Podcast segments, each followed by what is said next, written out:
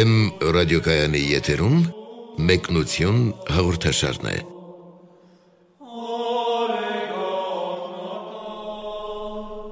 Մեկնություն հաղորդաշարի եթերում արժանապատիվ Տեր Մեսրոպ Քահանա Արամյանը եւ լրագրող Արաքս Պողոսյանն են։ Օրնեցեք Տեր հայր։ Աստված օրհնի։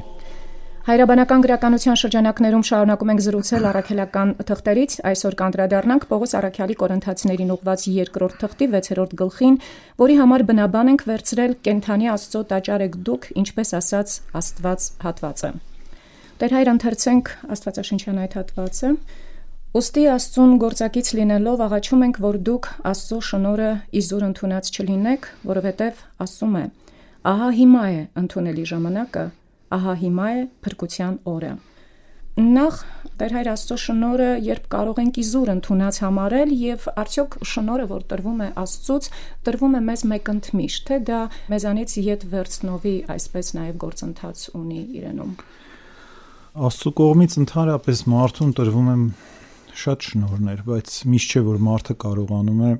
պահել այդ շնորհները կամ համագործակցել այդ շնորհների հետ կամ իր կյանքում պտղաբեր դարձնել, արգասաբեր դարձնել այդ շնորհները։ Մենք շնորհներ ենք ստանում մեծագույն շնորհներ մկրտության ժամանակ, բայց տեսեք, քանի քրիստոնյա է կարողանում այդ շնորհները պահել, աշխատել այդ մկրտության մեծագույն շնորհների հետ վերստին ծնվում ենք իսկ նոր մարդ ենք դառնում, նոր արարչություն, բայց ինչքան արագ մենք կարող ենք հայտնվել այդ հին մարդու վիճակի մեջ։ Նույնիսկ հենց մկրտությունից արդեն դուրս են գալիս, եկեղեցուց դուրս են գալիս, շատ հաճախ հենց դռնից դուրս գալով ենք ուղակի կորցնում, որովհետև մենք խորը հանձնառությամբ եւ պատասխանատվությամբ չմոտեցանք այդ մկրտության խորթին նախ գիտակցաբար չմոտեցանք որովհետեւ մկրտվելու համար պետք է հասկանալ ինչ է նշանակում քրիստոնյա լինել եւ ինչ է նշանակում քրիստոնեական կյանք եւ դա լուրջ հանձնառություն է Աստծո առաջ այլևս մեղքի չծառայել եւ ապրել Աստծո շնորհով բայց մենք երբ այդ գիտակցությամբ չենք մոտենում մենք ստանալով այդ շնորհները անմիջապես կորցնում ենք այդ մեծագույն շնորհները, որ Աստված տվել է մեր կյանքի համար։ Եվ նույնիսկ չենք էլ գիտակցում, չենք էլ հասկանում, թե ինչ է մեզ հետ կատարվում հենց բուն մկրտության ժամանակ։ Էնպես որ շնորհներ մարդուն շատ են ու Պողոս Արաքյալը հատկապես խոսում է հենց փրկության շնորի մասին, ավետարանի քարոզության մասին, որի համար հենց ինքը կոչվել է առաքելական ծառայության եւ ինքը ասում է որ քրիստոնյա դառնալ դեռ չի նշանակում որ դուք արժանանալու եք փրկության կարևորը թե դուք ինչ ճիք ու ջանք եք գործադրում հա այդ քրիստոնեական շնորհները պահպանելու համար Այսինքն շնորհը կարելի է կորցնել, բայց այն մեզանից չի վերցվում։ Պարզապես մենք կարող ենք այն կորցնել։ Վերցվում էլ է, այսինքն եթե մենք բխծություն գործենք, Աստված կարող է այնպես անել, որ այդ շնորհը մեզանից վերցվի, որովհետև Աստված չի կամենում, որ սրբությունը բխծության հետ շահախվի։ Այդպես էլ է հնարավոր։ Նաև կարող է մեզանից վերցվել, նաև կարող ենք մենք պատժվել, բայց ավելի հաճախ Աստված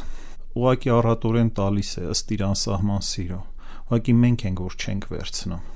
ավելի հաճախ դա է պատահում մեր կյանքում ասում է ահա հիմա է փրկության օրը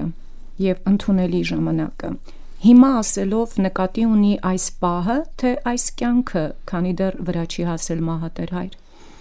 երկուս միաժամանակ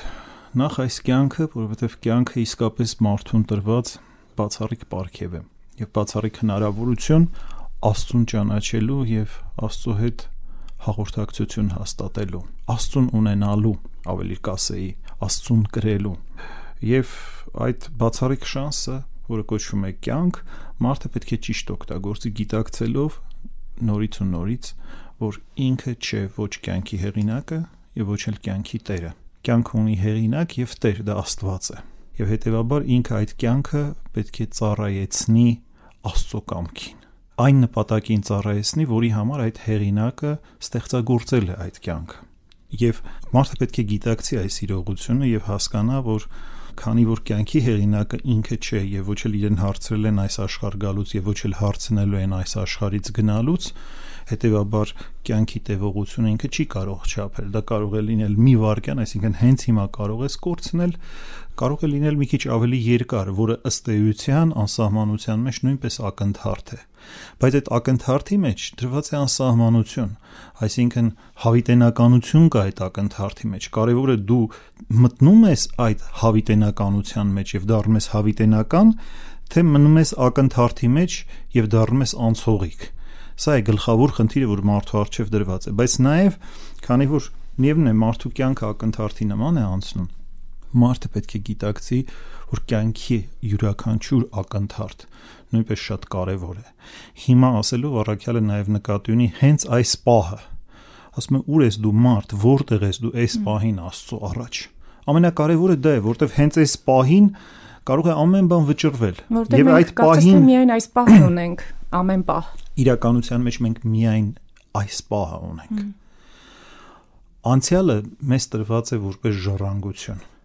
ապագան մեզ տրված է հնարավորություն ինչ որ հավաստի ունենք միայն այս պահն է Եվ դրա համար այդ որ ասում են, գիտեք, փիլիսոփայության մեջ կամ տարբեր այսպես իմաստությունների մեջ ասում է պահի զգացողությունը չկորցնել։ Այդ երբ որ մենք նայում ենք սուրբերի կյանքի վրա, այդ նրանք ունեցել են այդ պահի զգացողությունը։ Իրանք այդ պահի անսահմանության մեջ են եղել։ Պահը ունի անսահմանություն բայց պահը ունի նաև խիստ վերջավորություն, որտեվ այդ պահի մեջ իրենք Աստծո հետ են եղել։ Հետևաբար ժամանակ, երբ որ դու Աստծո հետ ես, ժամանակը կանգնած է Այ դա է հավիտենականությունը։ Եվ սակայն մարդուն առավել քան բնորոշ է հետաձգելու այսպես գործողությունը, երբ ասում է դեռ կհասցնեմ։ Մանավանդ եթե ինքը դեռահասության շրջանում է, երիտասարդության շրջանում է, ուժերի ցաղկման շրջանում է եւ մանավանդ հավատքի եւ Աստծո հետ իր հարաբերությունը ճշտելու հետ կապված մարդը միշտ սիրում է իր այս կարևոր տարիքներում հետաձգել այդ հարաբերությունը, այդ հանդիպում, այդ պարտավորությունը, ինչ կասեք մարդիկ բազմաթիվ խապկանքներ են իրենց համար ստեղծում։ Այդ խապկանքներից մեկն էլ դա է, որ կա անվերջ ժամանակ։ Դա բխում է հետեւյալ մոլորությունից, որ երբ ուզենեմ կվերցնեմ այդ հոգևորը, այնտեղ ինչ որ միտեղ դրված է, բայց հենց որ գալիս է ժամանակը գնում ես, տեսնում ես, որ դու անհետ կորցրել ես այդ հոգևորը։ Ես ուզում եմ ասել, որ հոգևորը շատ թանկ բան է, շատ թանկ։ Եվ այդպիսի էժան պատկերացումներ հոգևորի վերաբերյալ չի կարելի ունենալ այն պետք է վերցնել ժամանակին։ Ամեն մի պահը, որ մենք բաց ենք թողնում, այդ պահը անվերադարձ մեզ համար կորած է։ Եվ այդ պահի մեջ մեզ տրված էր ուրույն շանս եւ ուրույն հնարավորություն Աստծո հետ լինելու։ Մենք այդ պահերը եթե կորցնում ենք, մենք ըստ էության կորցնում ենք մեր կյանքը։ Մենք ապրում ենք կարծես թե չապրելով, որովհետեւ ապրում ենք ինքնախապեյության մեջ։ Կյանքը որևէ իմաստ չունի եւ թե այդ կյանքը լծված չի աստվածային լույսով։ Մենք անընդհատ խավարի միջով ենք գնալու։ Դրա համար պետք չի որ մարդը իրեն խափի եւ կյանքի հետ խաղեր խաղա։ Շատ վտանգավոր է այդ խաղը, շատ վտանգավոր։ Դրա համար հնուց եկող մի իմաստություն կա, որ ժամանակը ոսկիով կնեք, այսինքն մարդիկ հնուց ի վեր հասկացել են, որ կյանքում ամենաթանկ բանը ժամանակն է։ Իհարկե, մի քիչ ավելի մեծ տարիքում երբ մարդը մեծանում է, այս ճշմարտությունը ավելի խորն է զգում, քան երիտասարդ տարիքում։ Դրա համար պետք է օգնել երիտասարդներին, մեծերը իրենց խրատներով եւ այլն պետք է օգնեն, որ հնարավորինս երիտասարդությունը իր կյանքը չվատնի մոլորությունների, հաճույքների, կեղծ պատկերացումների մեջ, այլ կարողանա երիտասարդ տարիքից մաքրության համար, սրբության համար, ներքին մարդ մղել, պայքարել դրա համար մի քանի այսպիսի ճշմարտության պահեր եթե կայանան երիտասարդ տարիքում, երիտասարդի կյանքում, հավատացեք, որ դա կլինի առաջնորդություն նրա ողջ կյանքի ժամանակ։ Եթե մի քանի ներքին հոգևոր հաղթանակներ նա կարողանա տանել։ Շարունակենք ընթերցումը եւ ոչ մի առիթով պատճառ մի եղեք, որ մեր պաշտոնը չարատավորվի, այլ բոլոր դեպքերում դուք ձեզ ներկայացրեք իբրև Աստծո պաշտոնյաներ, ցույց տալով մեծ համբերություն նեղությունների մեջ, վշտերի մեջ, չաչարանքների մեջ, հարվածների տակ, բանտերում, խռովությունների մեջ, տքնությունների մեջ, հսկումների մեջ, ծոմապահության մեջ, սրբությամբ, գիտությամբ, համբերությամբ, քաղցրությամբ, սուրբ հոգով, անկեղծ սիրով, ճշմարտության խոսքով, Աստծո զորությամբ, արդարության զենքով հարցակվելու եւ պաշտպանվելու համար։ Տեր հայր երբ ասում է դուք ձեզ ներկայացրեք իբրև Աստծո պաշտոնյաներ, յուրաքանչյուր հավատացյալի նկատի ունի, թե Աստծո պաշտոնյաները միայն հոգևոր սպասավորներն են այս պարագայում իրենք առաքյալները։ Նախ պաշտոնյա բառը, պաշտոն բառը գրաբարում նշանակել է ծառայել, սպասավորել։ Պաշտոնյա նշանակում է ծառայող, սպասավորող։ Աստծո ծառաներ, այսինքն։ Աստծո ծառաներ, Աստծո պաշտոնյաները Աստծո ծառաներն են։ Եվ յուրաքանչյուր ոգ է Աստծո ծառա, որովհետև նա է մեր Տերը։ Եվ ես ուզում եմ ճիշտ հասկանանք, սա Տերն ու ծառայի, այսպես ասած, փոխհարաբերություն չէ։ Սա սիրո մի անսահման զեղում է երկնքից դեպի մեր երկրավոր իրողությունը, բայց մենք փորձում ենք երկրավոր բառերով, երբեմն մի քիչ տխուր բառերով, տերուն ու ծառայի կամ, չգիտեմ, պաշտոնյայի եւ այլն այսպիսի բառերով փորձում ենք այդ երևույթները նկարագրենք։ Մենք կոչված ենք Աստծուց մեծագույն սպասավորության եւ մեծագույն սխրանքի համար։ Իսկ ում ենք սպասավորում։ Ինչն ենք մենք սպասավորում։ Իրականության մեջ մենք մեր կյանքն ենք սպասավորում, որպեսզի այդ ճշմարտությամբ կարողանանք դարձնել պատարակ Աստծո առաջ որովհետև ինչով մենք պիտի ծառայենք Աստծուն կամ սпасավորենք Աստծուն հարցը առաջանում. Աստված մեր սпасավորության կարիք ունի ինքնարավես որևէ բանի կարիք չունի Աստված ինքնաբավ է Աստված ինքնաբավ է ինքը ոչ մեր աղոթքների ոչ մի բանի կարիքը չունի մենք դրանով Աստծուն լավություն չենք անում մենք մեզ ենք լավություն անում մենք մեր կյանքն ենք ճշմարտացի դարձնում, որպեսի այդ կյանքը դառնա սրբազան մի պատարակ, այսինքն մի սրբազնագործություն, մի զոհաբերություն լավագույն իմաստով Աստծո համար, անուշահոտություն դառնա Աստծո համար։ Այսինքն մենք մեր հոգու փրկությանն ենք ծառայում այդ կերպ։ Իրականության մեջ այն ինչ որ մենք անում ենք, հա, մեզ համար ենք անում ասելով որ Աստծո համար ենք անում, բայց իրականության մեջ դրա օկտատերը մենք ենք, որտեվ Աստված չի կարող օկտատեր լինել մեր գործողությունների։ Պարզապես երբ որ Աստված տեսնում է մեր օգուտը, նա անսահման ուրախանում է։ Երբ որ տեսնում է, որ մենք փրկության ճանապարհով ենք գնում։ Այսինքն մենք ենք նախ եւ առաջ օգտվում մեր իսկ արած քայլերից, եթե մենք մեր կյանքը ծառայեցնում ենք սրբության համար։ Այս առումով յուրաքանչյուր քրիստոնյա պաշտոնյա, յուրաքանչյուր քրիստոնյա Աստծո ծառան է եւ իր կյանքը պետք է դարձնի ծառայություն Աստծուն։ Ասում եմ մեծ համբերություն ցույց տվեք։ Համբերության եւ մեծ համբերության միջև տարածությունը շատ մեծ է։ Այսինքն համբերատար բնավորություն ունենալը եւ դրսեւորելը դեռ դեռ հայր բավարար չէ քրիստոնյայի համբերության, այսպես որպես հոգեվոր սխրագործության վիճակի մասին խոսելու համար իսկապես տարբեր տեսակի են լինում համբերություն կա որ պարզապես դու այսպես ասած դիմանում ես ընդհանրապես բայց համբերություն էլ կա որը արդեն հաղթական է որը սիրո արդեն արտացոլանքն է դու ոչ թե պարզապես դիմանում ես այլ դու մեծ սեր ես դնում այդ համբերության մեջ։ Ընդհանրապես քրիստոնեությունը հնարավոր չի պատկերացնել առանց համբերության, կարելի ասել, որ դա համբերության արվեստ է։ Դա քրիստոնեական առաքինություններից կարելի է համարել։ Իհարկե, ոչ միայն առաքինություն, դա առաքինությունների մի ծաղկե փունջ է, որտեղ համբերելու համար դու պիտի խոնար լինես, համբերելու համար դու պիտի իմաստուն լինես, համբերելու համար դու պիտի սիրես շատ բան պիտի անես, որ կարողանաս համբերել։ Պարզապես համբերելը դիմանալով ինչ որ մի բանի, բայց ներքուստ անիծելով ու դժգոհելով ու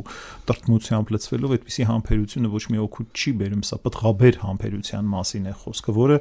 նաև անվանվում է մեծ համբերություն, այսինքն իսկապես խորը գիտակցված հոգևոր համբերություն եւ այդ համբերության դաշտում Անդաստանում աճում են բազմաթիվ գեղեցիկ ծաղիկներ եւ բույսեր, որոնք մեր հոգեվոր կյանքի առաքինություններն են։ Եվ նաեւ ինքը շեշտում է համբերություն որտեղ նեղությունների, վշտերի, չարչարանքների, հարվածների տակ, բանտերում, խռովությունների մեջ եւ այլն, այսինքն ինքը շեշտում է այն կյանքը, որ ինքը ապրում է Պողոս Արաքյալը, այսինքն այս բոլոր բաները, որ Պողոս Արաքյալը ասում է, որ տեսական շուտ դրույթներ են համբերեք, այսպես, այսպես եւ լավ կլինի, ասում եմ համբերեք այնպես, ինչպես որ ես եմ համբերել։ Իմ լծակիցներն են համբերել մյուս առաքյալները։ Նմանվեք մեզ, ինքը իր կյանքի օրինակներից է խոսում Պողոս Արաքյալը, որովհետև նա իսկապես եւ բանտերում է եղել եւ խռովությունների մեջ եւ հարվածների տակ եւ չարչարանքների եւ վշտերի մեջ է եղել որովհետև ավետարանի քարոզությունը դա էր պահանջում Արաքյալը մտնում էր տարբեր իրականությունների մեջ, ամենահակասական, ամենամեղսալից իրականությունների մեջ եւ այնտեղ փորձում էր Աստծո ճշմարտության ու սրբության այդ լույսը հաստատել եւ բնականաբար կար կատաղի դիմադրություն մեղքի աշխարհի կողմից եւ ամեն տեսակ տարապանք ու վիշտ պարտադրվում էր առաքյալին Տեր հայր, նաև այս բոլոր չարչարանքները, հաղթահարումները տքնաջան, բոլոր վիճակները, որ թվարկում է հերթով, կարելի է զատել այսպես հոգու եւ մարմնի հաղթահարումների, վիճակների հաղթահարումների։ Մի պարագայում մարմնի պարագայում նեղություններ, վշտեր, չարչարանքներ, հարվածներ, բանտեր, խռովություններ, իսկ հոգու պարագայում թվարկում է տքնություն, հսկում, ծոմապահություն, իսկ հոգու պարագայում այս վիճակներին հասնելու միջոցել մատնանշում է սրբությունը, գիտությունը, համբերությունը, քաղցրությունը, Սուրբ Հոգու ներկայությունը, անկեղծ սերը, ճշմարտության խոսքը, Աստծո զորությունը, արդարության զենքը։ Կարելի է այս ամբողջը հոգևոր ռազմավարություն եւ մարտավարություն որակել, մանավանդ որ ասում էլ է կռվեք արդարության զենքով հարցակվելու եւ պաշտպանվելու համար։ Անշուշտ, որովհետև եթե այդ հոգևորը չլինի, ինչպես պետք է այդ տկնությունների, բանտերի եւ այլն այդ տարապանքների մեջ մարդը դիմանա, ինչպես պետք է դիմանա, մարդը կարող է կոտրվել եւ չգիտակցել այդ ամեն ինչի նպատակը, որն է տարապանքի նպատակը, դա պարզապես արդեն առաքյալի համար ոչ թե տարապանք էր, ոչ թե վիշտ էր, այլ խաչակցություն էր եւ նրանք գնում էին խաչի ճանապարհով գիտակցելով, որ իրենց Տերն է խաչ բարձացել իրենց համար եւ ըստ այնմենայնի իրենք պիտի իրենց կյանքում արտացոլեն այդ խաչի խորուրդը բայց որպեսի նրանք կարողանային դա անել, առաքյալը թվարկում է հսկումներ, տքնություններ, այսինքն ճկնություններ, ծոմապահություն։ Այսինքն դրանք նախորդում են մարմնի չարչարանքներին դիմանալու։ Նրանք նաև խորը ճկնակեցական կյանք են ապրել։ Այսինքն առաքյալները ճկնավորներից ավելի ճկնավոր են եղել ապրելով այս աշխարհում նրանց կյանքը առաքելությունը որպես սրբության տեսակ դա տարբեր տեսակի սրբության դրսևորումների մի համախումբ է այսինքն նաև նրանք եղել են ճկնավորներ իսկապես աշխարհում ապրել են եւ ցույց են տվել, թե ինչ է քրիստոնեության ներքին բովանդակությունը։ Եվ պետք է ասել, որ հնարավոր չէ այս ամենից խուսափելով քրիստոնյա լինել, որտեղ ասում են այսօրվա ժամանակաշրջանում ավելորդաբանություններ են, ասենք ինչ որ ծոմապահությունները։ Ով ասեց ծոմապահությունից ավելի հոգևոր կյանքի համար ավելի նպաստավոր գործ դժվար է տեսնել տկնություն, այսինքն ինչ է նշանակում երբ մարդը իր քնից որոշակի ժամանակ է հատկացնում, ասենք հոգևոր վարժանքների կլինի աղոթք, կլինի հոգևոր ընթերցանություն եւ այլն։ Այսինքն երբ որ մարդը ասում է որ մի քիչ իմ հանգստից, հա, ոչ թե մի քիչ էականորեն իրականում իմ հանգստից հատկացնեմ հոգևորին։ Այսինքն սրանք տքնություններ են, որ մարդը կիրառում է եւ ձեռք է բերում անգին գանձեր նույնը ծոմապահությունն է, նույնը աղոթքներն են եւ այլն, այսինքն սա իսկապես ներքին հոգեվոր պայքար է, որ մարդը պետք է մղի, առանց սրա հնարավոր չէ իրականում ճաշակել հոգեվոր գիտակցությունը։ Եվ Արաքյալը մի խոսքով նշում է այն բոլոր հանգամանքները, որոնցով որ ասում է իրենք դիմանում են եւ կարողանում են այդ տարապանքների միջով անցնել եւ հասնել ճշմարտությանը բայց նաեւ ինքը խոսում է ասում է սուրբ հոգով անկեղծ սիրով ճշմարտության խոսքով, Աստծո զորությամբ եւ այլն, այսինքն այս ամենը նա սրբությամբ, գիտությամբ, համբերությամբ, քաղցրությամբ, այսինքն այս բոլորի մեջ շատ կարեւոր է, որ մենք իսկապես ունենանք սրբության գիտակցությունը, ունենանք խորը նեվի իմաստություն, որովհետև ցանկացած հոգևոր գործի մեջ էլ, եթե մենք սրբության զգացողությունը կորցրեցինք, այսինքն չհասկացանք դրա ելքը որն է, պարզապես դա դարձրեցինք ինքնանպատակ, մենք կարող է նույն ծոմապահությունը անելով սրբության չհասնենք, այլ հայտնվել հոգևոր հպարտության մեջ։ Այո։ Եվ մենք եթե խորագիտություն չունեցանք, այդ ծոմապահությունը կամ որևէ այլ հոգևոր վարժանքը ոչ թե կարող է օգնել մեզ, այլ նաև կարող է կոտրել մեզ։ Այսինքն մենք անպայման պետք է ունենանք Սուրբ Հոգու առաջնորդությունը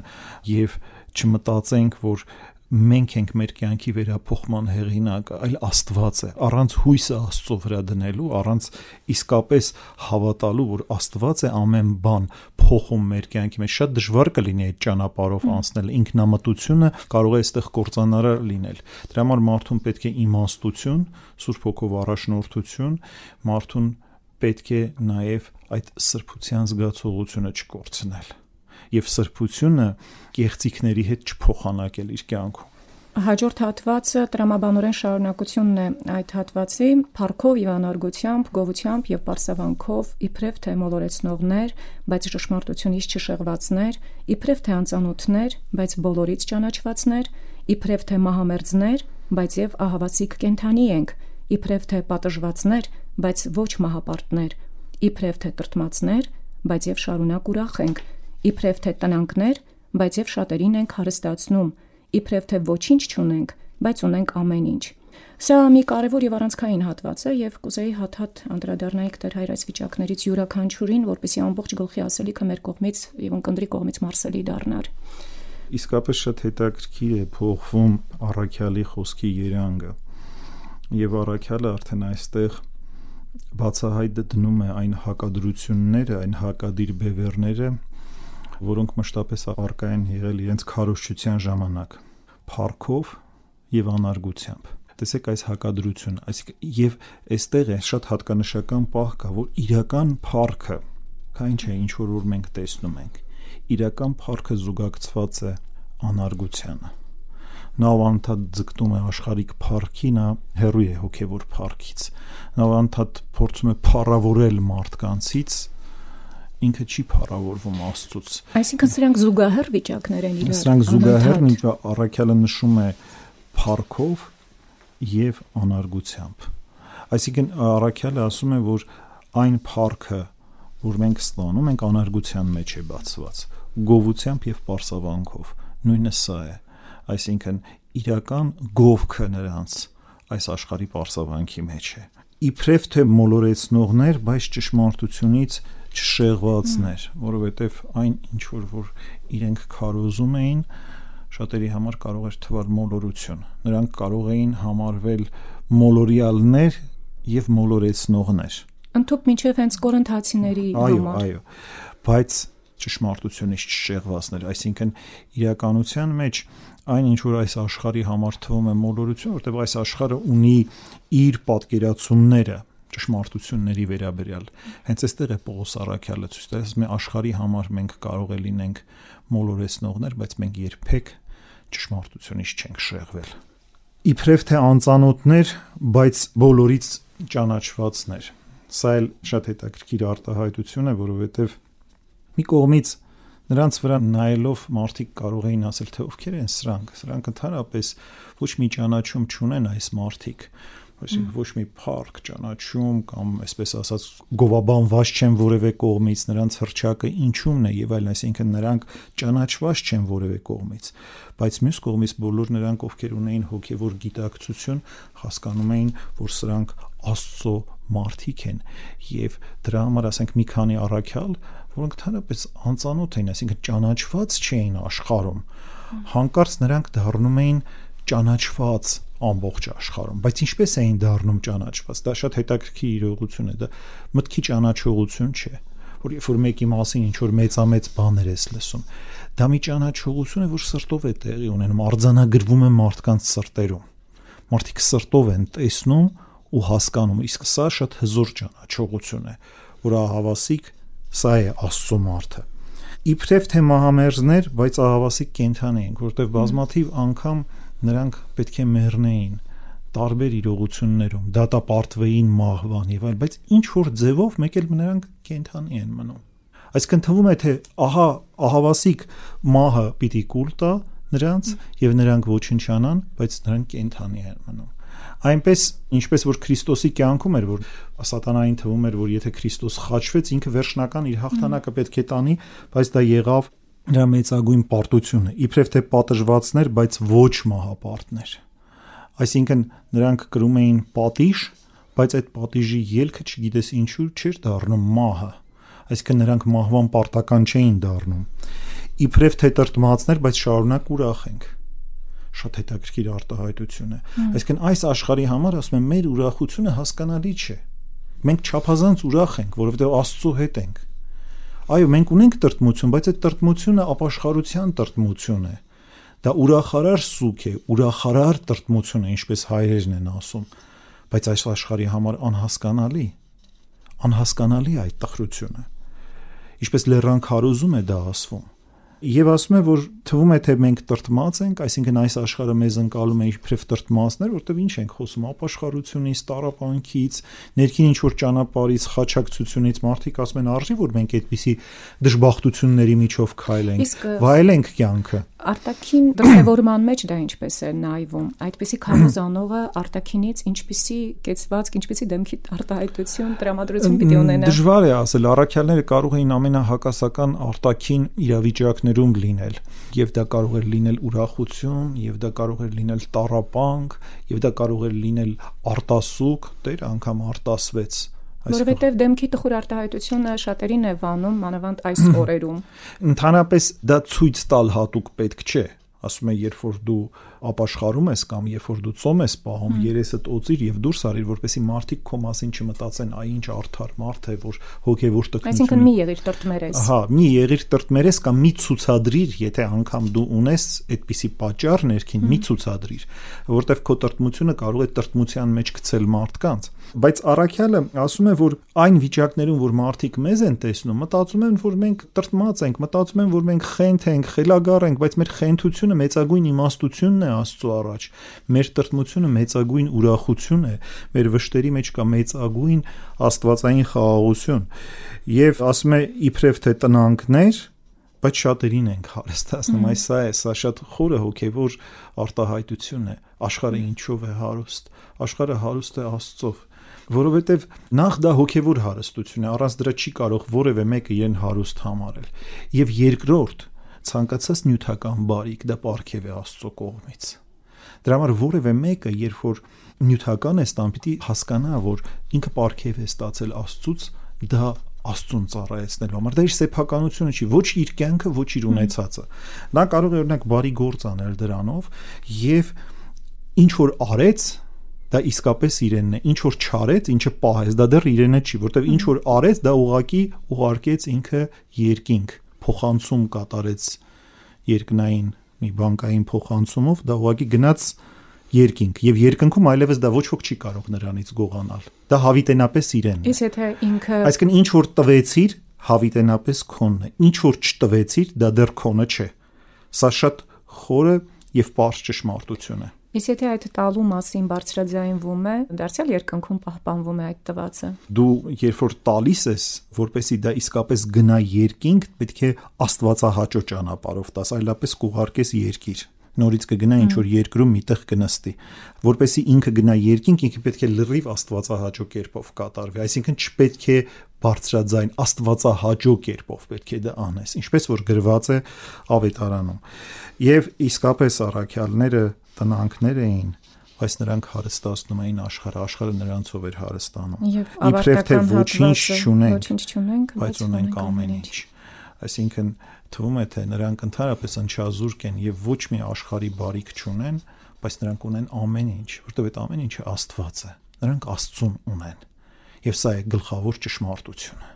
եւ ասում է փառքով եւ անարգությամբ, գովությամբ եւ པարսավանքով հետաքրքիր է որ դեպքում փառքով, որ դեպքում անարգությամբ, որ դեպքում գովությամբ, որ դեպքում པարսավանքով։ Այսինքն այս հակոտնյա վիճակները, որոնք ասացիք արդեն միաժամանակյա են, կարող ենք մեկ-երկու օրինակով ավելի ունկնդրին ըմբռնելի դարձնել։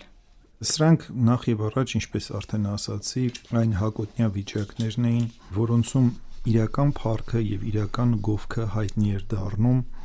այդ դրանց հակառակ իրավիճակներում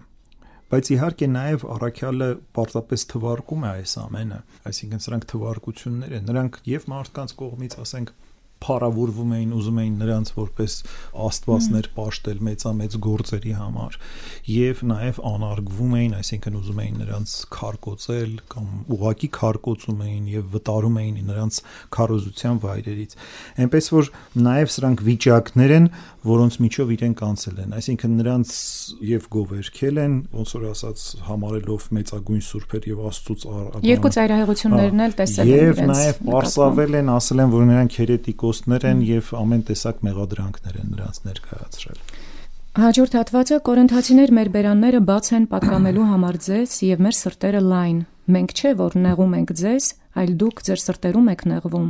Արդ դուք էլ նույն հատուցումն անելով worthiների տեղ եմ դնում ձեզ։ Լայնորեն բացարեք ձեր սրտերը։ Տեր հայր ինչ նկատի ունի նախ երբ ասում է մենք չէ որ նեղում ենք ձեզ, այլ դուք ձեր սրտերում եք նեղվում։ Ինչ վիճակի մասին է խոսքը։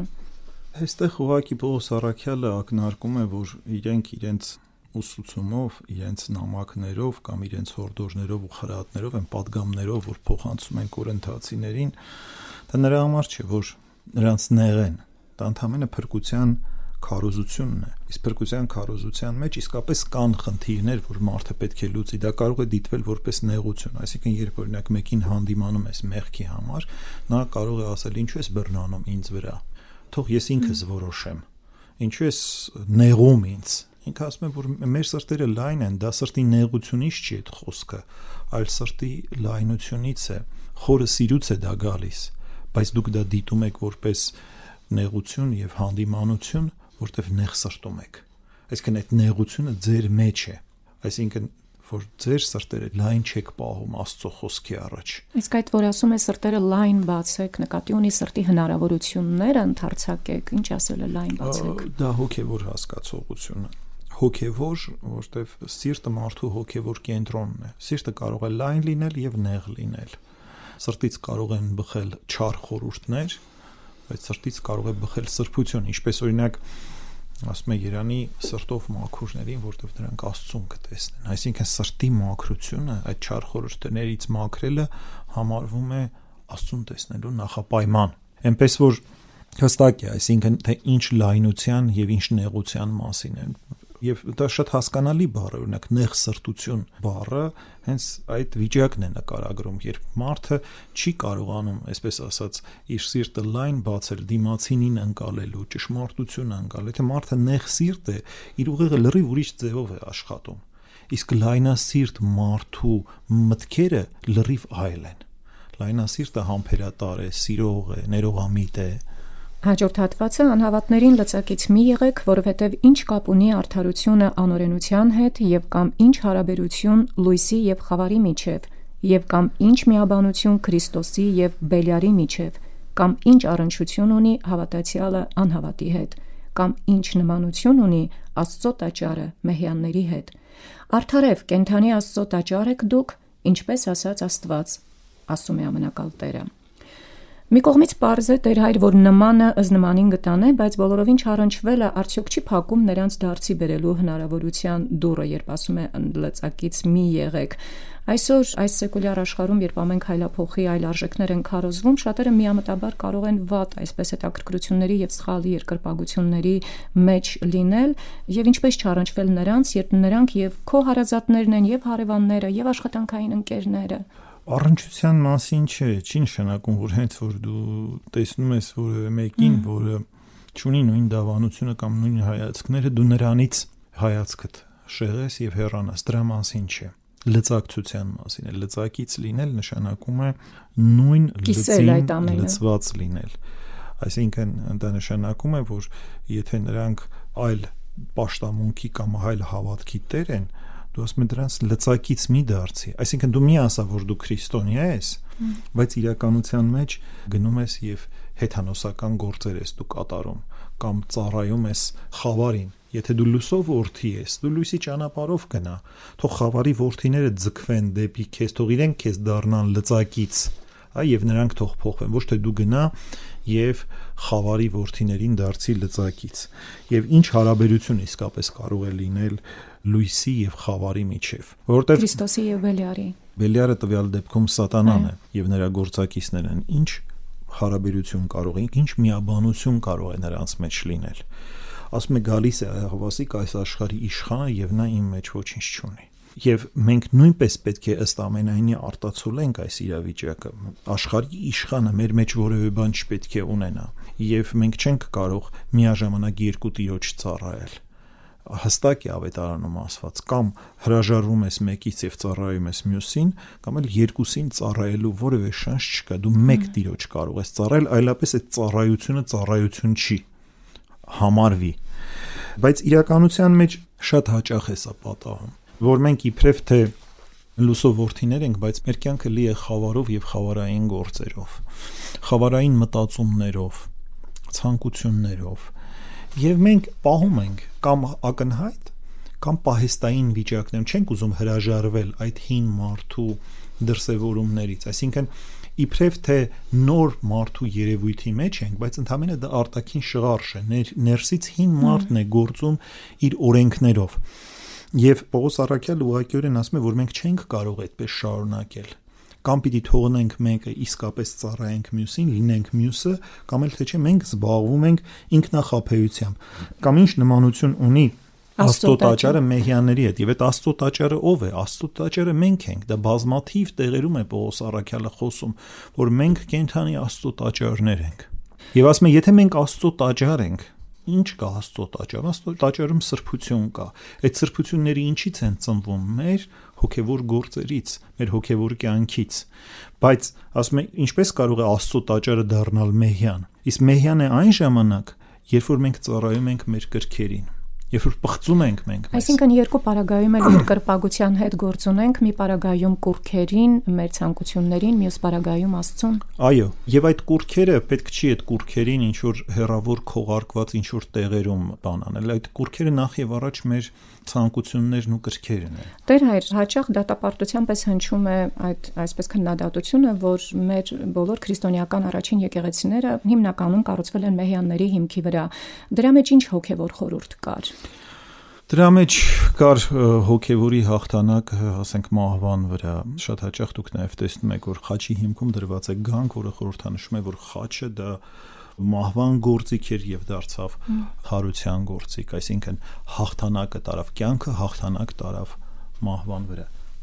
Շատ լավ եւ վերջին այս ամենակարևոր արտահայտությունը կենթանի Աստծո տաճար, ասում է դուք եք։ Ինչպես կարող է Տեր հայր մարդը կոչվել կենթանի Աստծո տաճար, չէ՞ որ այդ մարմնում եւ հոգում ինչեւ իսկ ամենասրբակյացների հաճախ Աստծուն ոչ հաճելի բաներ են տեղի ունենում, ոչ պատվաբեր։ Ինչպես հնարավոր է այդ տաճարը միշտ ամեն պահի սուրբ պահել եւ տաճար պահել։ Մենք չէ որ սուրբ ենք պահում, Աստված է որ սուրբ է պահում։ Եթե Աստված բնակվում է այդ տաճարում,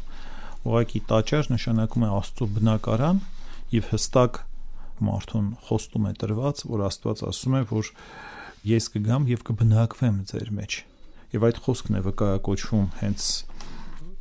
այս հատվածի մեջ, որ ասում է պիտի բնակվեմ նրանց մեջ եւ պիտի ընթանամ նրանց միջով, պիտի բնակվեմ եւ ընթանամ նրանց միջով։ Այսինքն յուրաքանչյուրի մեջ պետք է բնակվեմ։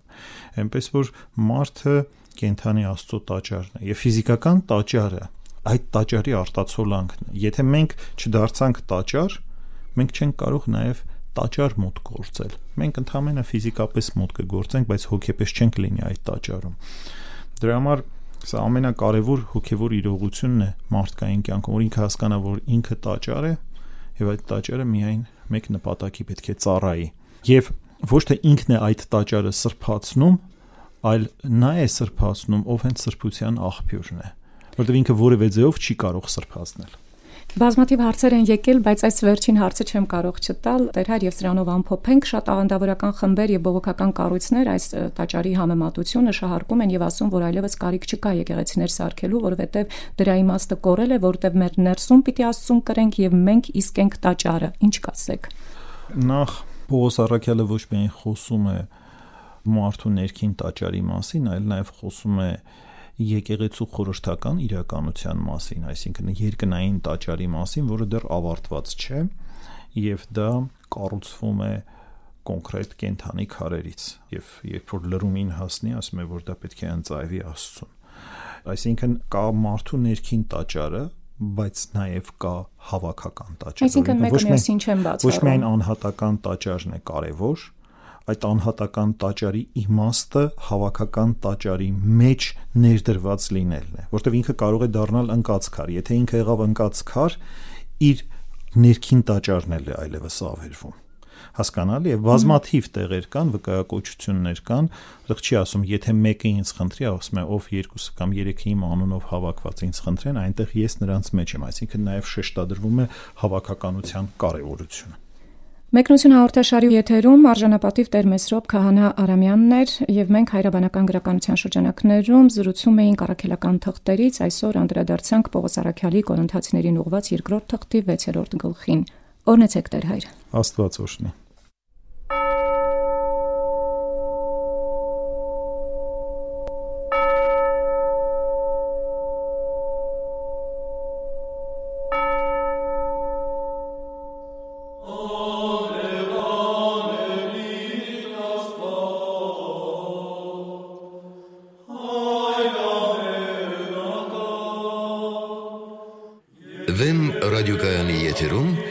եթերում մեկնություն հաղորդաշարներ։ Զրույցը վարեց Արաքս Պողոսյանը։